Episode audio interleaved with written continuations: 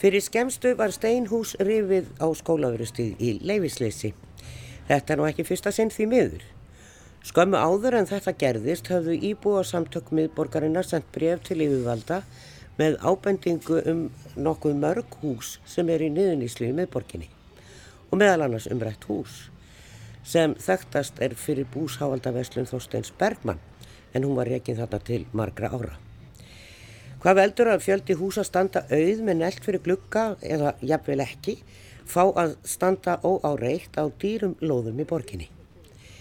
Við tökum okkur göngutúr með Benón í ægisinni, forman í íbúa samtaka miðborgarinnar og hér í stúdíu og andri sitja Pétur Ormansson arkitekt frá Minjastofnun og Sigurborg Ósk Haraldsdóttir formaður umhverfis og skipulagsráðs borgarinnar. Við byrjum á Þórskötunni. Fyrir skömmu sendu íbúarsamtök miðborgar eh, bref til byggingaföldtrúa og hverstuð undan nokkrum húsum í miðborginni eins og koma fram á þann og, og þetta eru ansi mörg hús og allt á mörg hús. Benóni Ægjesson er formaður íbúarsamtakana og það eru haldin, haldin fundir reglulega og álegtað og, og borgarnir hafa nú ímislegt að segja um eitt og annað. En þetta er náttúrulega gríðarlega lítið á borginu og við ætlum að taka smá rúnd og erum hérna við Þórskötu 6 sem er lítið bárjáshús, stór garður sem allur er í órækt, það er ekkert nema kerfill hérna. Það virðist engi búa hérna, ekki nema þá einhver hústaka mögulega. Allavega er mjög rólegt hérna yfir. En þetta hús er búið að vera svona alveg bara í 20-30 ár. Ekki, ekki. Ekki tomt lengi, en svona í, í neðunýslu er það búið að vera undarfarna áratögi var í leigu, út fólk sem leigði þetta en það hefur ekki verið, ég held að sé áratögu síðan, síðan hérna, síðustu leiginni fóru úr þessu húsi sko. Það er sko af því að þóskatan sem að meðal annars húsi hérna rétt fyrir ofan okkur á hægri hönd sem við horfum í austur átt, það var lengi vel illa farið en þetta steinhús hérna en það er, það er búið að laga það allt saman og gera upp og í upprunlega mynd skiptum þak og og stein, endur steinaða eða annað, þetta er perlumúr sínist mér sem er á því. Það er eiginlega engin hús eftir þóskottunni sem eru illa farin, það er búið að laga þetta allt. Það er ekki sko, þetta eru svona, þetta eru svona podlar, svona drullupodlar hér og þar, þú veist, í, í bæamyndinu það sem eru hús sem hafa verið lengi eh, vanrægt og uh, áratugum sama í að fölgu. Okkur finnst bara, fyrir utan alltaf augljósa lítið sem er af þessum húsum sko, sem ekki er haldið við þá getur þetta líka bara hreinlega verið hættulegt. Er, er bruna hætt af þessum húsum, börn og úlingar geta farið sér að voða veist, í, í, í þeim, útlækast mann setjast að í þeim og, og þeir fara kannski ekki mjög gætilega með eld. Þannig að það er svona ímist, það er hættumerkið þarna. Þú sagði hérna áðan að hérna, við hefum sendt byggingafulltrúa þessa álutun okkar. Já. Við sendum reynda líka sko, helbriðseftilitinu, við sendum það til borgarfulltrúa Reykjavíkur og til þingmannana okkar í Reykjavík norður vegna þess að, að til þessi okkar skoðin er svo að til að koma böndum á þessa öðutrófum sko, þá þurfum við bara hreinlega að breyta lögum og reglugjörðum. Þetta er í lægi, eða hvað? Ég verður það er ekkert að segja neitt. Já það er sko, ég held nú að lámas eða krafa hann síðan veist, að þessi haldir loka þannig að fólk sé ekki að fara inn í þetta þannig að menn sláka ekki einhverju lerum fyrir glugga og, og slíkt sko. En það er engin sko sambæðilega lög og reglur til dæmis á Norðurlöndunum og í Norður-Európu þú veist það sem að að sem menn eru skikkaði til þess að hafa sín hús í nótkun að hérna, ég, man, ég veit, veit ekki hvort það er þannig lengur en þegar ég bjóð í Köpmanahöfn þá, þá var það þannig að íbúð stóð auð svo og svo lengi þá mátti hver sem var flytt inn í hana. Já, hústakkan var í rauninni bara lögleg. Já, eftir, viss, eftir vissan tíma sko. Já. þá gæti maður flytt inn í svona hús og fundið út hver var eigandi og lagt inn á bankareikningi í hans nafni sko, svo leigu Þetta er, þetta er, ég held að þetta sé í Hollandi og Tískalandi sko, er, eru svona lög og reglur en hér, það er, vilist ekkert vera neitt slikt hér sko. maður er lúmskan grunn ofta um það, þú veist að menn sé bara ánæði með það að sé einhver eitthvað vafasamt lið í húsunum og vonist bara til að kvikk nýja eitthvað þannig geti reyfið húsinn og, og, og byggt eitthvað stærra og herra og meira og út í loðamörkinu og svona. Við ætlum að skoða nokkur hús. Eh, Tilefni var nú að vissuleita því að Veslun Þorsteins Bergmann sá skóla verið stíðan og rifið í, það hús var rifið í skjóli nætur eða brotið niður, ég held að það hefði verið steinhús og svona aðeins að fjallum þetta en e, og það var náttúrulega óleifilegt, það var fríðað hús og og þetta er í annarsinn sem á minni tíð allan sem ég man eftir því að það er svona rífið í leifisleis og banni en það er nú ekki heist mikið í eigundum þess hús annað en að þeir segjast alltaf endurbyggja húsin eða það er komið fram í fréttum. Við ætlum að trýtlaðisjarnan er á Óðurskötu.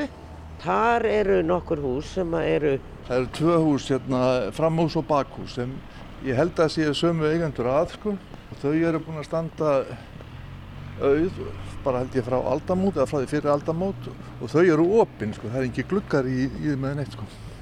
Þar getur hver sem er gengið inn. hittir nú við, við komum hérna á hornið á Óðurskötu. Þetta hérna, þetta lítur nú ekkert veiklu út. Við komum hérna á Óðurskötu 14a og þetta er nú svo sem alltilega hérðan frá, frá götunni. Það er búið að aukstinga þetta hús eh, hlirar hérna til hliðar sem eru nú ekki, þeir eru nú eiginlega bara á punt. Heyrðu, já, já, já, svo kemur hérna gaflinn, þá er eitthvað allt annað að gerast. Já, þetta, hérna þetta er gluggar austalveg. Það sínast nú reynda að sé búið að gera eitthvað, loka eitthvað húsinu í neðra húsinu, 14B, en það var alveg opið líka, en alltaf út í komast inn. Já, það má alveg aðtúa það. Sko, já, það er gærilega búið að setja eitthvað plast hérna.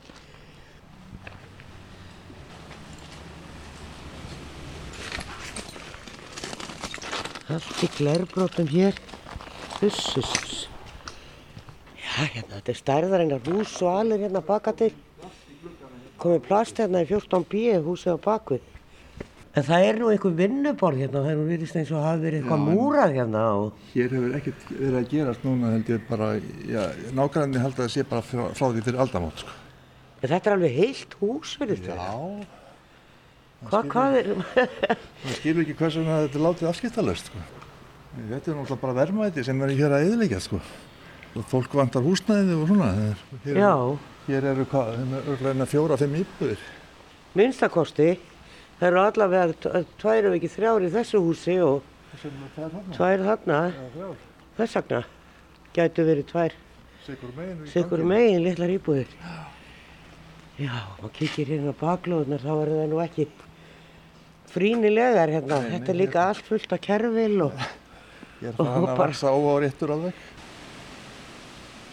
Þetta er stórmerkilt. Þetta er dýra lóðir á besta stað í bænum. Er nú það. Þetta er stórhættileg fyrir krakka, öll þessi glerbrot og þau bara möl og brekka og Þetta er alveg opið, sko. þannig að Hver sem er farið inn. Við ætlum síðan að rölda eins á skólaverustígin og þetta sé nú ekki búið að girða af þar þar sem að það var rifið.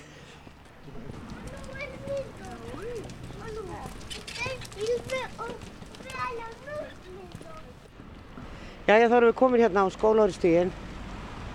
Það sem ekkert er, búið að rífa þetta hús og mörgum blöskraði að það var gert bara, það er svo merkilegt að það er að vera að stelast til að rífa þessi hús eða sem er svo svarið, þetta var óvart. Það, hérna, það er náttúrulega gert einhvern tímann á nóttunni. Þannig að hérna, já, það er kannski að þau sjá ekki til eða eitthvað, það er náttúrulega farið að dimma á nætuna. Það er reikið skóplunum óvart í. sko. Óvart í, já. Hér eru náttúrulega bara múrmólar Já. Þetta og ekkert, þetta er náttúrulega þokkaleg lóð. Þetta er alveg stór loð, sko, en það, það skils mér verið sótt fast að fá að byggja sem mest út í hana, sko. Já, eins og hefur verið gert í lóðan minna fyrir ofan sko. þetta er nú ekki, kannski ekki mjög sérstaklega merkilegt húsfólum byggingasögulega þetta eru gert úr holsteini og þar að leiðandi getur maður kannski ekki rengt þessa sögum eða þeir eru að reykja skóplun í sko já, það er bara hrunið. Já, á veggurna við runið sko já, en það sem mér finnst eiginlega jákvæðast og við þennan ólöku gerning sko þá má alltaf fara lögum og reglum sko það er að hérna skuli verið gerð hér krafa um að húsi sem hér rís sé í hérna sama stíl eða, eða, og svipaðri hæð og, og húsinin í kring sem eru falleg, falleg steinhús þar, þar meðal tvö sko sem Guðjón Samúðsson gerði. já, já, akkurat. Ég sé nú eiginlega kannski meira eftir, ég bjó nú hérna hérna með göttunni einu sinni, ég sé nú eiginlega meira eftir hérna Guðlu timburhúsi sem var hérna aðeins ofar í göttunni nummer 40 og hesthúsi sem var þar inn í gardinu sko sem, sem var rifið fyrir einhverjum árum og en samt hafðu menn nú reyndar gæfu til að byggja í að fokkalun stíl við húsin sem voru fyrir. Já, Það var svolítið inn á lóðinni það hús. Já, það var, ja, það var eiginlega stóðin freka framalega en svo var lóð, stór lóð fyrir inn á. Já, nákvæmlega. Það brann nú um tíma á manni því Já, ég bjóð, þá, ég bjóð þar á móti og Horfði á það ekki fara þar. Já, það, það var búið að standa alltaf lengi aukt, sko. Þetta var í kringur hrunið og, Já, og síðan gekk þetta kaupum og sölum og síðan var byggt þarna þetta veitingastæður Kól síðan er ekki rétt hjá mig í þessu húsi. Eigandinn hér sem ég veit nú ekki hver er e, hafði orð á því einhverju, einhverju miðlinum að hann ætlaði að byggja húsið í sama stíl. Eða já, bara endur byggja húsið. Ég veit ekki, það er sko, var leifið til að hækka þeim eina hæð, Já, sko, já, sem- já. svo sem allt í lagi. En hérna, en, uh, maður vi- vildi óska, þú veist, oft væri tekið, þegar verið að byggja nýbyggingar, en ég er oft væri tekið meira til, til uh, útliðs húsana í kring, sko. Já, já, ekki finnst mér endilega að þú er að byggja gamalt í, í það ekki að en það þarf að taka sko, svona eh, mið af hæð og, og umfangi og skala og, Gluggum og öðru já, já, þannig að þetta er svona, passi vel inn og þetta er alveg hægt að gera. Auðvitað. E, við ætlum að trýtla þetta niður bjarnastígin og fara niður á vastíg. Það er nú gata sem að margir hafa talað um hvað í óskupunum er eiginlega að gerast þar. Það er kostulegt. Það eru þrjú hús sem eru, já, eiginlega bara næst fyrir glugga og annað allavega á einu þessu stærsta og, og leiði til niður ef sjá einhverja á því, spillir í Benóni og, og, eh, en ég veit að eitt þeirra er allavega friðað. Já, við kvílum aðeins göngutúrin með Benóni Ægisinni og heilsum upp á Pétur Ármarsson, arkitekt hjá Minjastofnun og Sigurborg og Óskar Haraldsdóttur, formann umhverfis og skipilagsráðs borgarinnar. Velkomin. Takk. Kanski fyrst að tala um þetta hús á skólaverustíknum. Sko, hefur, hafa borgar yfirvöld eitthvað brugðist við þessu? Nú talaði ég nú um skjóli nætur, ég veit náttúrulega ekkert klukkan hvað þetta hús var yfir niður, en, en það var allavega einhvern veginn, kom fólki á óvart. Já, það gerði það svo sannarlega og, og það hefur verið lögðinn kæra til lauruglustjóra að hálfu byggingafulltrúa Já. uh, þar sem að, að niður yfir er kært. Sko, maður verður svolítið hissa á því þegar að, að þetta er gert. Af því að ef það er búið að selja húsi og einhver búin að kaupa þetta og ætlar, að- ætlar sér að gera eitthvað þannig, þetta hús var kannski komið í hvaða stand, Pétur, þú veist kannski betur um það? Já, sko, það var, var í gildi deiliskipulag fyrir þennan reit og það var búið að það sem var heimilað að hækka það kúsins, það er að segja að gera ríshæð á það. Og uh, minjastofnum fekk til umsagnar uh, tillögu eða teikningu að, að, að útfærsla slíkri hækkun, reynda var gengið svona aðeins, uh, það var portbyggt rís en ekki aðeins herra heldur en, heldur en sko skipulagi síndi en þó innan, innan marka og og útaf fyrir sig með smá aðtóasendum þá ekki, gerðum við ekki aðtóasend við það. En, en að við fylgdum ákveðnum skilirðum en hins vegar er sko það er ákveði innbyggt vandamál í sum deiliskipulög þar sem að heimitt í gamla bænum hefur verið veitt heimil til að hækka húsum eina hæð, gömul hús að í, í mörgum tilvikum og eins og sérstaklega þarna þá eru húsin að grunni til svo illa byggð til dæmis úr holsteini að þau þól ekki þessa hækkun bara tæknilega bursið frá skipulagi og fagufræði og svo hafa líka verið dæmið það til dæmis nefnir laugavega það voru samþygt, samþygtar viðbyggingamöguleikar aftan við hús mjög, mjög sagt, langt inn á lóðina. Þannig án þess í raunin að hugsa fyrir því að þar þýrt að komast dagspyrta að Þetta er út af fyrir sig kannski ekki vandamál ef það væri ekki fyrir það að uh, sko deil, þegar búið er að samþekja deiliskipulag þá er hérna þá skapast ákveðin eigna rétti, réttindi á ákveðinum fermetra fjölda og uh, þeir sem eiga viðkomandi fasteignir þeir líta á þennan tólka þennan rétt uh, sem sína ævarandi eign og fjármunni sem þeir vilja gjarna koma í verð. Þetta er, þarna er ákveðin veikleiki í, í íslenski skipulagslögjöf. Sem sagt þetta að menn líti á, á, á, á þess, þess svona ramma sem að dregin er í skipulagi og er í rauninni eins, eins, eins og maður skildi ætla bara til þess að skapa betra samræmi og tryggja, tryggja hérna, samfélagslega gæði í umhverfinu að, að hérna, menn líti á þetta sem eign. En síðan eins og, eins og, eins og í þessum tilvikun sem að, sem að Benoni var að nefna, þá er eins og í löggefinni hérna þá fylgja ekki sko neina skildur þessum eignaréttindum þegar um er að ræða hús sem eru látið standa með, með þessar vendingar í huga. Sigurborg, þetta, þetta er sko, það er heimild og mm. menn horfa bara á það sem eitthvað bara ok, þá má ég. Ég á, ég má. E, sko, þetta lítur að vera svolítið vandamál fyrir ykkur sem að eru að svona, já, ræða þessi skipilu og samþykja. Já, þetta getur verið mjög snúið og skapað alls konar aðstæður sem að erfitt er að leysa úr þegar eitthvað var samþitt fyrir 25 árum og, og svo hefur bara samfélag og umhverfi og, og fólk breyst og, og þá er svolítið erfitt að, að hérna, sveitafélag séu bundin algjörlega af þessu og þetta sé, þessi loftfermetrar séu bara álitnir ymitt ævarandi eign uh, lóðarhafa sem er, er svolítið snúið sko. Og getur skapað ef við ætlum að breyta því að þá getur myndast skadabótaréttur uh, á sveitafélagi sem getur verið kostnæðsamt þannig að hérna og þá er, þá er þetta nú kannski ekki að vinna fyrir al, almanna hag myndi ég segja lögin. En hérna en já ég tek undir þetta og þetta er líka áhugaverst einmitt sem að, að Pétur er að bendi hérna á að, að sko þú veist hvaða kröfur eru settar á lóðarhafa og þann sem að á fastegnina að halda henni í góðu horfi Það eru líka til dæmi um það hérna í kringum okkur, uh, í löndum í kringum okkur þar, segja, þar sem að, að yfirvöld hafa einfallega heimil til þess að taka uh, hús egnanámi mm. ef að þau er í svona slæmu standi og ekki nýtt. Sko, ég var svo hissa þegar ég kom inn á þess að lóð þarna á óðinskötunni og þórskötu það stendur nú húsið með glukkum og hörðum og það lokað. Garðurinn náttúrulega í órætt, kærvill um allt og, og svona þetta verður búið einmannlegt og daburt að horfa á það. En svo þegar maður komaði inn á baklóðun og óðinskötu þá er bara, þetta bara slísagildra og, og hvað er, er, er virkilega ekki eftir að koma ef þetta er búið að vera svona síðan fyrir aldamot samkvæmt nágrunum er ekki eftir að, að borgi geti sett bara að hinga á ekki lengra? Jú, við getum alltaf gert kröfu um að, að sko ef að það stafar hættabyggingunni, þá getum við alltaf gert kröfu um að það sé lagað. Heilbriðis eftirliti getur gert kröfur um að lóðin sé í góðu lagi og byggingafulltrú um að, að húsið sé ekki þannig að það sé hættulegt. En hversu vel er fylgst með þessu? Um, það er í rauninni svona almennt myndi ég segja bröðust eftir ábendingum. Við erum ekki með eftirlit eða, eða manniski vinnu sem ferðast um borgina og, og tekur þetta út sko. Því miður.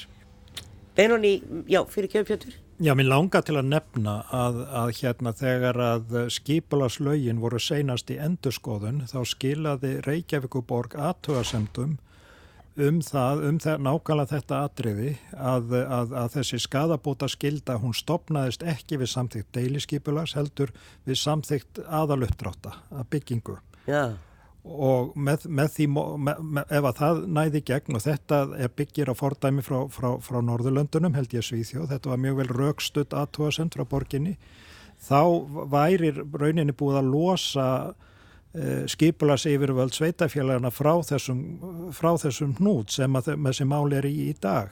En, en það var ekkert hlustað á þetta af, af, af, af lögjafanum og Ég vil minna sko að, að stóra minnsemdina vandamálið liggi hjá í skiplaslögjafinni. Og það er alþingi? Það er alþingi. Það er nefnilega það og eh, eignarétturinn er svo sterkur hérna á Íslandi og það er stundum bara, en, en eins og hann nefndi líka um Benóni að þá er, er það nú gætna þannig og ég kannast nú við þetta frá Danmarku hvort sem það er svona ennþá að ef að hún stendur aukt svona lengi og enginn býr í því og, og, og menn passa ekki upp á húsin sína þá máttu bara flytja inn, finna eigandan borgarnulegu. Það er svolítið magnað. Já. Já, það má segja að þar fylgi sem sagt eignar forréttindunum fylgja ákveðin, ákveðinar kröfur. Þú, þú, þú ber ábyrga hvað samfélaginu og um, í ljósið þess hvað þessi eignarétt, eignaréttindi eru tólkuð sterk hér á, hér á landi þá er svolítið skrítið að, að það skul ekki vera nein, neina skildur á móti. Já. eða ríkari skildu skulum við segja, sérstaklega í svona þéttu borgarumhverfi. Ég myndi vilja fá að bæta við að, að það vantar svolítið þessa samfélagslegu sín og svona ákveðin mannréttinda vingil í skipulagslaugjöfuna sem tengist þessu og fleiri atriðum líka hvað við höfum reykja okkur ávarðandi heimilislust fólk og, og alls konar uh, þessu tengt og þetta lendir einhvern veginn alltaf á sama punktunum. Það er okkur skórtir sterkari samfélagslega sín og meiri samkend og, og standa verðum mannréttindi og, og þetta þetta er veiki punkturinn í skipulaslöggefinni og nú stendur til að endur skoða skipulaslögin um, en þá er aðal áherslan á að, að stitta afgjörslutíma og ég hef áhyggjur af því að, að það verði eini fókusin uh, en ekki til þess að hraða uppbyggingu sem er gott að blessa í sjálfum sér en ég hef áhyggjur af því að, að þessi tvö mikilvægu aðrið verði ekki áhörpuð. Já, og það má kannski segja að ég undur segja þá hvað eru mín mannreitindi. En, en það getur ekki verið réttindin eins manns að eiga eitthvað hús neyri miðborg Reykjavíkur og, og láta það bara drabbast niður. Ég get ekki séð það. En við ætlum að gera smá hlýja hér og höldum áfram ganguferðinu með Benón í æsinni, formanni í búa samtaka miðborgarinnar og við erum komin á Vastín í Reykjavík. Já, Vastíðurinn er undarlegur núna því að sko kirkjúsið eh, hérna sem að biskupstofa var þau eru farin og ég sá þannig bara blöðum í dag að, að það er búið að taka einhverju tilbóð í húsið þannig að einhverju er að kaupa það. Það er þetta hús. Svo er hérna hér með auðgötuna sem að vestlunum Ílsa Jakobsen er á næðstu hæðinni. Þetta er fórskar á timbrús sem að var búið að gefa leiði fyrir að rýfa en síðan var ákveðið að fríða það og gera það upp Það var nú ekkert gerst síðan að svo ákvarðin var tekinn. Það var einhver starf í kringum 2010 í kringur hrunið. Hérna niður úr var stígurinn, hérna vestanmegin. Hann er alveg eðal fín. Þarna var uh, nýlistasafnið um tíma. Held að séu íbúður hérna uppi. Það er íbúður núna, já. Já, og hérna, og mjög fallegt hús, reysilegt svona borgarhús. Hér á móti er þetta sérstakka hús sem var Stígin er í miðjunni og þetta er stendur inn á lóðinni. Og þá var ákveðið að friða þetta hús af því að það er með steftu þakki og er náttúrulega orðið fjör gammalt og bara glæsilegt hús. En hér hefur heldur ekkert gerst í fleiri, fleiri ár. Og ég veit hver á þetta. Og þar fyrir neðan er hús sem að stendur þvers. Ingangurinn er svona inn á lóðinni og hefur alltaf verið svolítið skrítið að sjá þetta hús hérna hvernig það stendur en það býr greinlega einhver tannabirunni. Já, þetta er nýsamtitt deiliskeipla fyrir þennan reyt hérna og helsti kostun allan í mínum augum að sá að það, hérna eru þrjú hús sem verða gerðu, gömulhús. Fjögur í rauninni, af því að Fjögur, það, já, fjögur, þetta hérna Þrjú- sem að, þrjú já, Þrjú lögur og eitt bak, bakhús hérna. já, Síðan eru það tvö hús, það er þessi nummer 33 held ég, B held ég eða sem er gamalt hús með það sem er hesthús í, í, í kjallaranum. Já, og svo annað sem til er vastík hérna fyrir neðan sem hérna var nú frækt, frækt hérna endan hérna einu svona út á hústöku. Það stóð auðvitað og síðan kveiknaði í því. En það segja mér fróði menn að það sé alveg vikjaðar hæft húsið en þessi tvö hús hérna 33 hvort eða er A eða B og, og vastíkin fjögur held ég að sé það á að rífa sko. Er stór lóð hérna bakvið og það á að gera sko heilmikið hús nýta lóðina. Já, og, það á að fara að herra upp heldur en þessi, þessi hérna gömlu hús hérna, sko. Það fara alveg hæði yfir það. Leiðin, þetta er öfrið hús, þetta er hús hérna frá því svona upp úr aldamótu 1900. Já. Allt, allt saman sem hér er, eða kringum aldamótin, sko. Og það var náttúrulega mikið sómi í því að, að bara hreinlega geta upp, en það lítur ekkert út fyrir það. Þetta verður allavega gert upp og hér verður gert upp 33. Og, og, og En svo náttúrulega eru sko mjög háa byggingar hérna á móti þannig að þú veist, eh, maður skilur kannski að það sem gefur leifi fyrir fjórum, fimm hæðum hérna austamegi við göttuna því að hinum megin eru þetta náttúrulega háhísi í rauninni, Jú, hérna á meða við gömlu húsin í miðbænum. En það fer náttúrulega öll sól úr göttunni, sko, morgun sólinn hún fer. Það er nú orðið ansið víða þessum að sólinn fer. Sólaljósið er í útrýmingarhættu, Já, sko, það í það. dimmum borgargljúrum. sko. Já, já. En þetta hús hérna fyrir neðan sem var, maður mann vel eftir að þar var fólk sem settist að og, og eins og þú segir ef að það er leifilegt í svömu borgum bara- það gerir engin eitt við húsið okkur úsköpunum má þá fólk ekki búa þar en, en það er eh, brunahætta sem að síndi sig þarna líka, það kveiknaði í. Já, það var eftir að, að hústökufólkinu var hend út, sko. Já, þú meinar, það er Já, kannski bara það hreinlega verið kveikt í því. Annarkvæmt það eða þá einhverjir, einhverjir aðrir settu stað í því sem kveiknaði Já, já. og kveiknaði í. Hér hefur verið nælt fyrir alla glugga í fleiri, fleiri, fleiri ár. Þetta er mjög leðinlega því að þetta er reysund og fallin hús, sko. Já, já, þetta er, já, við sjálfsagt erum við fallega glugga og, og svona postaglugga. En það er skrítið, það er hérna hurðarlega miðjum vegg en það voru trétröppur hérna inni, já. Tröpparnir upp, já.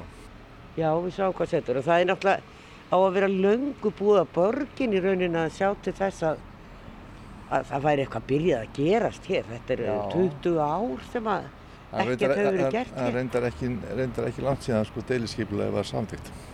Við reyndar mótmæltum því sko íbúðarsamtökin sko. Já, Við vildum halda þessu sem mest óbreytt og, og minka umfangið á, á bakhúsunum. en sko það baku þess að við gengum nú inn á á þann að hún þetta er náttúrulega bara malarplan. Það er eitt já. og fallegt lítið rautt hús sem að ég held að Ragnar Róberts myndlistu kona eigi og vinni þar. Var allavega þannig. Annars er það náttúrulega bara, eru húsin öll útkrotuð og í niðurníslu og það eru bakliðin á þessum húsum. Þetta er ekki fallegt og ekki hér, hér, hér, frá þessu hlið heldur sko. Nei, nei, allt, útkrotað og, og þessum húsum hefur náttúrulega ekki verið haldið við lengi, ekki verið máluð eða neitt. En maður hugsa bara, sko, allar baklóðir sem að gætu verið sólríkir staði, bara lítið torg. Í staði fyrir að reysa alltaf ykkur að reysa byggingu um leið og finnir eitthvað pláss. Já, fyrst, fyrst náttúrulega, sko, vantar nú smá í, í þessa þróuna svo ég hafði þetta. Þeir vildi byrjaði að rífa húsið, sko, svo stendur þetta aukt malarplan sem er notað sem bílastæði í einhver tíma áður en við farið að, að gera það. Og eins og húsið hefði ekki mátt standa þá allavega þangað til eftir að gera eitthvað. Við komum hérna nefn á hverfiskötun og við ætlum að kíkja aðeins neyra á veghúsastíg og að klappa stíg. Það sem að er eh, sama upp á tvenningnum, hús sem er búið að standa stýrum. Þar gammalt steinbæri sem er síðasti steinbærin hér í eh, skuggakörfinu eins og það er kallað. Og þess vegna var hann friðaður á sínum tíma. Og var skyndi friðaður. En þá var búið að gefa leiði til að, sem eftir í hver stjórn á borginni, þá var búið að veita leiði til niðuris, en uh, það var síðan afturkallað. En hér sjáum við nú bara hérna neðan á vastegnum, þarna er búið að, er fórskala hús, já, og þarna er neltur alla klukka og engin veit. Það er náttúrulega ekki mörg timburhús eftir, eftir á Lindagötunni, sko. Nei. Var, var timburhús að gata fyrir ekki svo lengur, sko. Komum við hérna inn á vegahúsastígin sem er lítið gata sem liggur eins og hverfisgata. Margir sem að vita ekki hvar þessi gata er, hún er svo dutt. Liggur frá klappastíg að eh, vastíg. Þetta er afskaplega skemmtileg gata. Þetta Já. er náttúrulega sögufræð hús, sko. Þetta Já, Þetta já, var Ragnar í smára með sína Já. útgáfu, gaf út Lagsnes og fleiri góða höfunda. Já, já, og hérna er alltaf bara... Gerðist held í smörlíki hérna líka, sko. Hér er hérna bara hótel Reykjavík Residence, er hérna búin að, að kaupir allt sem að losnar hérna. Ég held að sé mest í þessum húsum hérna við þessa götu, sé mest Airbnb og gistahimil. Sko. Svo skemmtilegu bar hérna sem heitir Port 9, já. sem er hérna inn í bakhúsinu. Mm. Ef við komum að þessu svarta húsi sem að stendur hér, þetta er viðhúsastígur nummer 1 það er allt orðið útkrota og loka og þetta er búið að standa hérna ansi lengi en það eru sömu eigendur að þessu húsi því ég held að við keifta þau sem eiga lóðuna hérna sem steinbærin er hérna fyrir hodnið. En e, mér skilst að þetta hús, þetta svarta hús sé reynilega ónýtt af myglu og öðru bara kannski vegna þess að það stóð svo lengi aukt. En það er allavega á að rýfa það, að gefa leiði til þess. Svo er steinbærin hérna, hann er mjög sérstakur í læginu. Ég held að þetta sé hálfur steinbær og síðan er byggt hérna við bárjáshús eða timburhús og svo er já þarna skúr á baklóðinni. Og það gerist bara ekkert hér. Nei, það gerir það ekki. sko. Og þetta hús náttúrulega þessi steinba hann er frá því held ég um 1880 eitthvað fyrir þess. Já, og er síðasti steinbærin í skuggakvarfinu. Akkurat sko, hann sé aldinn sko. Ég, það er bara farið of mikið af þessum, þessum eldri húsum sko. Þetta við þurfum að fara að Já, hugsa okkar gang og við höfum til dæmis engan torrbæ orðið eftir innan hér- hérna í, í borgarlandinu. Já, í miðbæðar, ekki nefna bara árbæ Já, já, já. sem er upp í sveit. Já, já, það voru alltaf tveir vestur í bæ og þeir voru Jú, var einn í miðri suðugutunni og Já, já, einmitt. Og, og svona sem að mann vel eftir. engin braggi. Jú, Bragginn, frægi Bragginn út í Nauthólsvík. Hann er til Jú, er og var gerður upp og varðveitur. Og endur byggður náttúrulega algjörlega því að þessi braggar voru náttúrulega bara skyndihús. Forláts. Já, já, en það hefnaðist vel en kostaði sitt. En, þessi steinbæir eru held ég bara rétt um 20 aðeins rúmlega í borginni. Já. Hér og þar, margir vestur í bæ og Flestir held ég í kringum bestastrætið. Já, og líka, líka í eh, reyndar vest, vestur frá og brekkustíg og, og svo var nú eitt gerður verulega fallega upp á Sæljaveginu og framlýsvegi þannig inn á. Akkurat. Stendur þar með blokkakverfið í kringu sig, það er mjög sérstakt en hann fekk að vera á sínum stað, var ekkert að flytja hann. En þetta eru náttúrulega hús sem eru meira að minna úr íslensku byggingarefni sko. Já. Og hérna verða náttúrulega til, þú veist, með kunnáttunum sem kemur þegar, þegar hérna, þegar Alþingishúsið var byggt og skólavistu nýju, hangelsið. Við Benóni ætlum að enda þetta röld í Þingólstrætinu. E, reyndar komum við inn frá grundastíg, það er búið að læsa hliðinu hérna niður við Þingólstræti. Kannski er einhverju búin að kveikja á perunni, þetta er borgarbókasafni gamla. Þetta er stór glæsilega hús sem hefur staðið tómt núna í all mörg ár. Ég held að Róbert Westman eigi þetta hús. Og það er búið að taka garðin hér myndalega í gegn, hann er virkilega fallegur og breyta honum töluvert hérna. Grundastygsmegin en hann er virkilega fallegur og vel hannaðu garður. Hér fyrir framann eru grasflatinnar alveg slett, slegnar og það virðist vera þarna svona sjálfsláttu vel sem að fyrir bara í gang stjórnaði ykkur staður utan á bæ, hekkiði klift og það nú ekki að kvarta yfir því að þessi rusl hér á lóðinni, enga veginn. En húsið, það er svona sko handriðin hérna og annað þau eru öll svona orðin svolítið mosagróin og, og, og svo þegar maður kíkir inn guður á gluggan þá er ekkert hérna inni, það er búið að rífa allt út og það hefur ekki verið í þessu húsi í fleiri ár. Þetta stóð, hún átti þetta nú lengi vel einhvern verðnestóttir og hún svona tók uh, aðeins í gegn, eh, hvort að hún háfyrsti þóði og málaði á utan og hérna, en það hefur ekkert verið gert hérna og þetta, manni finnst einhvern veginn þetta hús eigi að fá eitthvað fallet hlutverk. Já, þetta er mjög merkjöld hús sko. Þetta er byggt 1916, þannig að það er yfir 100 ára og það er leiðandi náttúrulega aldursfriðað. Uppálega á útlendingu sem byggðið og hérna þá vilja þrýta, en komst nú fljótlega í, í eigu Íslendingu sem var það kallað Esjuberg sem fylgir í ennþá. Já, hann lendi ykkur ónáð hérna, eh, þessi, þessi sjóðveri held ég hann að við. Já, hann er ekki bara veginn tísku gíðungur. Já, já, gott að það ekki var. Og hérna síðan náttúrulega svona hvað miðja síðustu öll þá er þetta bækistöðar sko borgarbókarsafsins og fólk náttúrulega svolítið sér lesefni hingað í fólk sem býr í miðbænum sko. Síðan undir aldamótin þá er fluttnir í gróf og þá kemst þetta í eigu uh, ungs aðtapnamann sem ætlaði að opna hérna uh, svona frumkvöðla og setur fyrir ungt fólk, fyrir ungmennir sko. Var það ekki ós? Það var Ós, jú, jú, það var Guðan í Ós sem hann ætlaði að gera það. En Já. það var það voða lítið úr þeirri, þeim hugmyndum öllum saman sko. Já, Og hann sendi síðan hérna listmál, norsku listmálar, Nerdrún. Þaðan kom þetta, komst þetta til yngunar og núna er eitthvað fjárfestingafélag sem, sem á þetta sko. já. En þannig að Róbert Westman á þetta ekki, svo ég er að halda fram. Ég, jú, já, hann gæti nátt á svona óbeint í gegnum einhver félög. Sko, það var lítið gert við þetta hérna meðan hérna Guðan og, og Otn Edróm áttu þetta en, en svo var farið í gang með, með við, að byggja við hérna bílskúr og held að ég sé sána og eitthvað fleira sko og taka garðin í gegn eins og, þú- eins og myndist á það.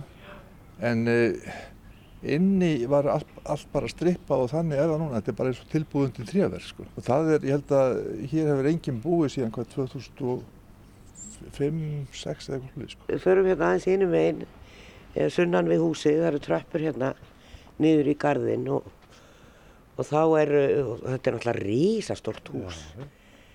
og stórgarðan nær Já. alveg á milli, milli, grundarstíks og, og, og Já. Já, sko. og hann er svona djúft niðri við grundastiksmegin og Með stærðar en að múr þeim megin. Það er hérna garðskáli sem er hvað. Hann er endurbyggður, ég held að gar- garðskáli sko, sem var hérna áður hafi farið inn í laugadalsgarðin, síðan garðskáli sem, sem er þar sko. Það sem hann er kannski svíður sárast er það að borgarbúar áttu náttúrulega þetta hús og þetta var svona almenningsstaður að ekki skildi hafa verið gert eitthvað slíkt sko. Hérna voru hugmyndir uppi til dæmis um, um að hafa hérna barnahús og það hefði náttúrulega verið mjög fínt ef þetta hefði gengið eftir með, með frumkvölarsetri fyrir unga fólki en það gerði það því miður ekki sko. Hvort sem að fara íbúar hér inn eða annað, þá finnst manni að bara segja orðið tímabært að einhver flytti í húsið og einhver sé hérna. Já, það er eitthvað líf, líf í þetta hús. Já, já, en íbúa samtökinn hér í borginni sem að þið, þið eru að skrifa bæði þingmönnum og borgarfulltrúum og byggingafulltrúa og meðal annars ábendingar um þessi hús sem við höfum verið að skoða. Viðbröðum við því, hver eru þau? Þau hafa nú verið frekar lítil. Sko. Það er hérna, við, við fengum uh, þrýr borgarfulltrú að hafa svara á okkur og bara líst afnæði sinni með, með, með þetta framtak okkar. Sko. Við fengum svar frá heilbríðseftiliti, við mekkið til þess að byggingafulltrúa en, en þá Nei. og einhver þingmanni. Sko. Maður, maður bara halda áfram að hérna, berja hausnum við steinni, sko, kannski á endanum molnar hann. Já, hausin eða steinnin. Annað Já, en, En við náttúrulega, sko, við náttúrulega sem, sem íbúðarsamtöku í elsta hluta Reykjavíkur, okkur er málið er náttúrulega skilt að reyna að- venda þetta beigðanmustu sem hér er, sko.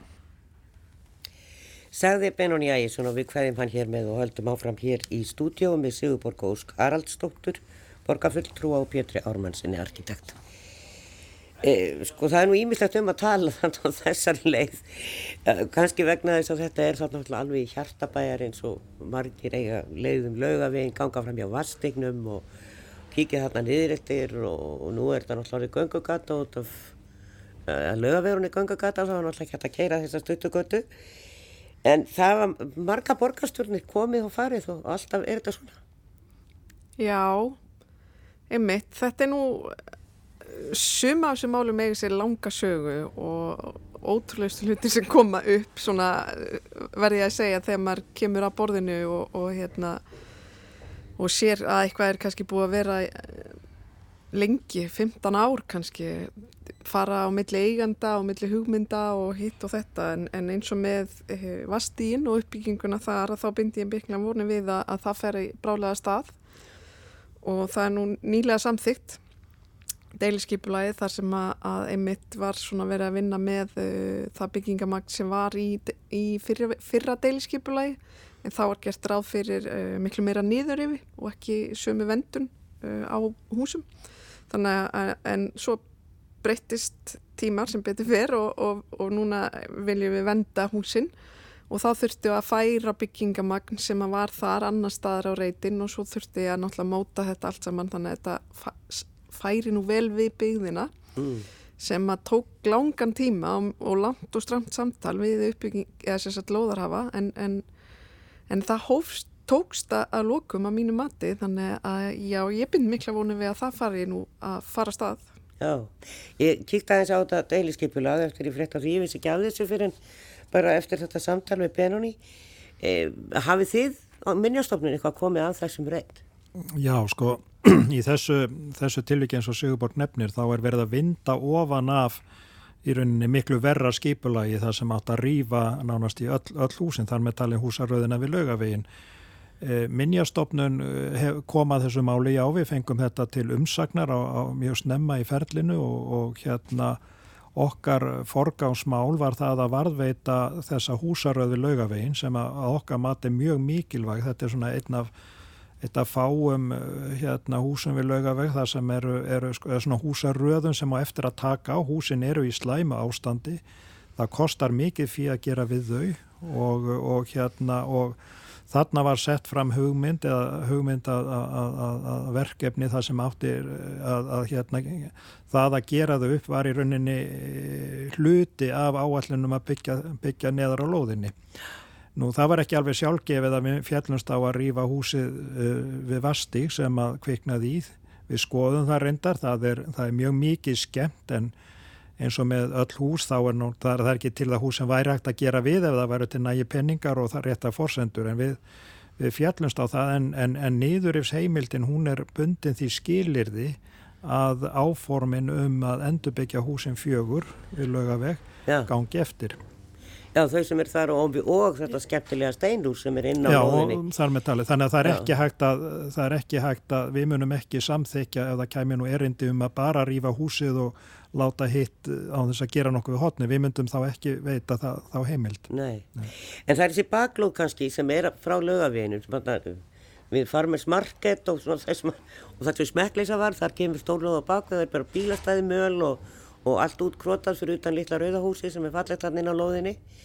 E, þau eru svolítið háð þessi hús sem að koma þar að bakvið og ramma þar með inn þetta skemmtilega litla steinhús sem að er á vastegnum og þar verður torg fyrir framann sem er náttúrulega bara þar að því það stendur vel inn í lóðinni.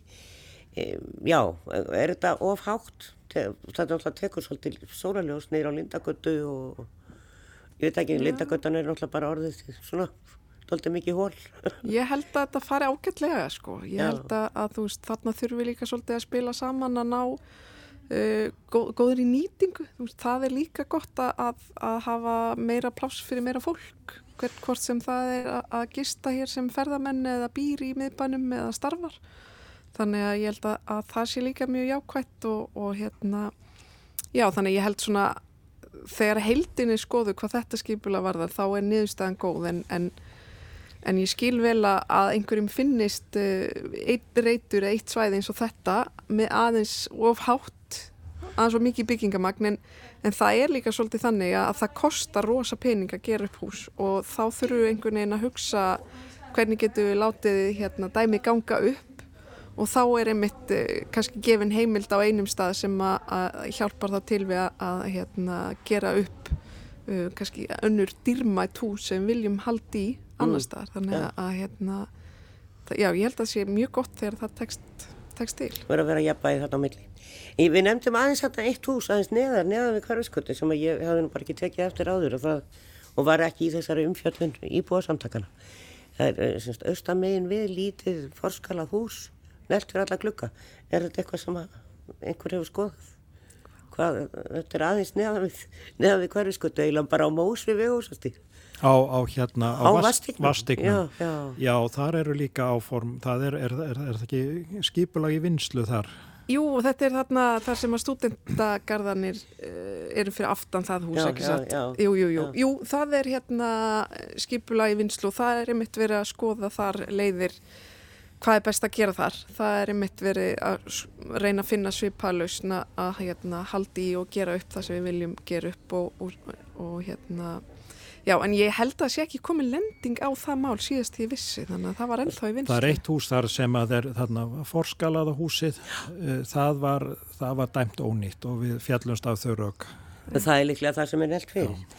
En við skulum ekki eða tími eitthvað sem er alls ekki komið á stað og engi veit hvað verður en að því að það er margt að ræða þarna við komum út á vegúsastíg og, og, og hodni á klappastíg og vegúsastíg með þetta bílaplan og steinbæinn og þetta gamla svarta hús sem er um, löngu dæmt ónýtt og og þarna haf, hefur verið balva versen og náttúrulega málaferðli eða mm -hmm. eitthvað, eitthvað því að eigandu lóðarinnar fengulefi til að rýfa og síðan fór þessi friðun og þú segir mér Pétur að þessi friðun hafa aldrei gengið í gegn mm -hmm. Já það var það var gert hérna það var gert átak hérna á sínu tíma um, í, áður en að minnjastofnum kom til og nú verandi lögjöf að, að, að friðlýsa alla steinbæi og steinhlaðin hús í Reykjavík vegna fágætis og uh, þessi eh, steinbær, þetta hús var með í því úrtaki uh, meðal annars á þeirrum rökum að þetta var eini, eini steinbærin sem eftir stæði í skuggakverfinu. En, en ef ég mann þetta rétt þá náði svo frílýsing aldrei fram að ganga vegna þess að það voru einhverju formgallar eða hvort að eigendunir mótmæltu og allavega mentamálar ráðuneytið ákvað það að, hún, þessi, að samþykja ekki þessa tillögum. Hins vegar e, þegar að lögin voru, nýju lögin voru sett 2012 þá var sett þessi 100 ára aldursregla, aldursfriðun og þessi steinbær hann, hann fellur undir hana en þetta er ekki, ekki friðlist hús. Nei það er nefnilega það þannig að það er ekkit sjálfgefið að það fólk fá að rýfa hann sem á þessa lóð. Nei það þarf að fá samþekki minnjastofnuna fyrir að rýfa, rýfa hús sem hafa náð 100 ára aldri. Og það var gert deiliskypula þannig á sínum tíma sem var samþygt og kært og fælt úr gildi. Uh, á síðasta kjörtímbili ef ég mann rétt uh, sem síðan var uh, áallega að auðlýsa aftur en þá kom í ljós að það var ekki sátt um það meðal uh, loðarhafa og þar stendur máli í dag. Það er bara stopp. Já, þannig að þetta er, það getur skapast mikið vesen og, og, og læti í kringum ekki stærri reyt en þetta. Og, og meðan gerist ekki neitt En það er eins og Sigurborg sagði áðan að, að hérna, mörg, mörg þessi erfiðu mál í gamla bænum þau eru eiga sér langa sögu. Og það, má, það er rétt að minna á það að í síðasta aðalskipula í Reykjavíkur þá var ákveðið að, að gamli bærin innan ringbröytar fyrir, fyrir utan svo kvöldu þróunasvæði að þar væri hverfisvend og þetta er náttúrulega ákveðið sem Reykjavíkuborg setur og er einmitt ætla til þess að standa vörð um þetta byggðaminstur og þessi umhverju skæði sem að enginn er þessi gömlu hverfi. Þannig að ég, ég held að sé nú sko, það, það, það hefur nú, þó, þó að hlutir kannski, einhver einstakar hluti lítið illa út, þá held ég að það hefur verið stíin ímis framfara spór en e, það, er, það er svolítið eins og að e, skipulas yfirvöld vegna þessara e, lagalegu sérstöð sem ég nefndi á þann, þá ja. eiga þau oft á tíðum daldi erfitt með að leysa úr svona gömlum, gömlum málum. Já. Nefna þá hreinlega að gera það sem vissulega verið gert, það er bara kaupa upp þessar eignir og koma þeim í farveg og losa sér svo við það sem er reyndar ágetis leið.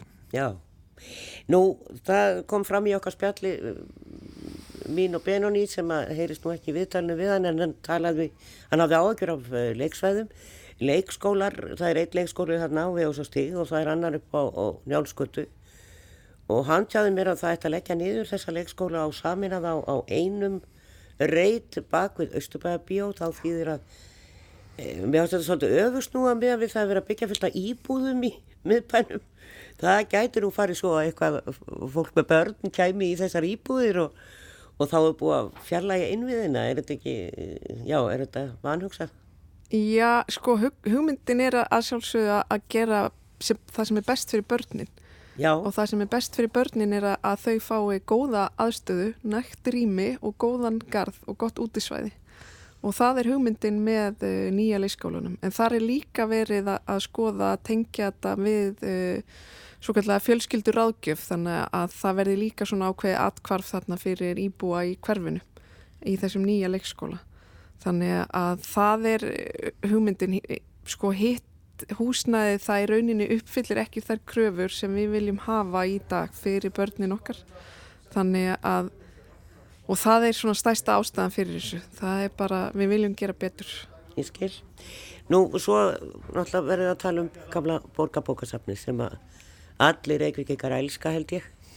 Eh, maður nýtu þess alltaf að ganga fram hjá þessu húsi og ég tala nú um eftir að gardunum var svona fallegur En, en það gerist ekkert þannig, mann finnst einhvern veginn að það er einhver að fara inn og út úr þessu húsi. Já, já sko, borgarbókasafnið er friðlýst bygging í svona hæsta varfislu flokki og, og eins og sagðir þá er náttúrulega það vel hugsað um húsið að utan. Því er, því er haldið við, það er ekki líti í borgarmyndinni, það er ekki niðuníslu en vissulega væri gaman ef þetta hús væri, hefði eitthvað hlutverk sem verður hlutverk en eh, hvað var það minnjastofnun sko þá erum við sko me megin atrið í húsvend er að hús séu í nótkunn og þeim sé haldið við. Það, eh, það, það er engin, engin vegur að varðveita hús ef það hefur ekkert hlutverk og engin annast um það. Og, eh, og þess vegna höfum við, hefur það verið stefna minnjastofnunar að sko vera, setja engin skilirði fyrir því hvernig nákvæmlega hús er nota, hvort það er íbúði eða ofinber notkun við höfum í rauninni, við höfum ekkert um það að segja, eh, svo fremi sem að eh, notkunin valdi ekki tjóni á eða rýri varveislegildi húsins. Já, er það slæmt fyrir hús að standi í svona, svona lengi og, og ég meina skapar það eh, hættu fyrir bygginguna sjálfa? Það þarf ekki að gera það, ég minn ef húsið er kynnt og um, litið eftir því en, en hérna en, en auðvitað, auðvitað á svona hús að vera í nótkun. Já. Já, ég held að þetta sé uppáhalds hús margra reykvikinga og það væri til mikill að bóta ef að það væri betra aðgengjaði. Einhvern tíma stóð til að gera þetta barnahúsi en það var ekki gert því miður en Það eru fleiri uh, hús og byggingar í borgir í niðuníslu þó svo að við höfum nú aðalega verið í miðborgin í dag og það er maður til dæmis spenda á brautarholtið og nóatúnið, uh, gamla þóskaffi og, og húsinn þar á móti það er sennilega bara daburlegt að fara þar um í dag. En við komumst ekki lengra í byli og við höfum að taka á því kannski síðar.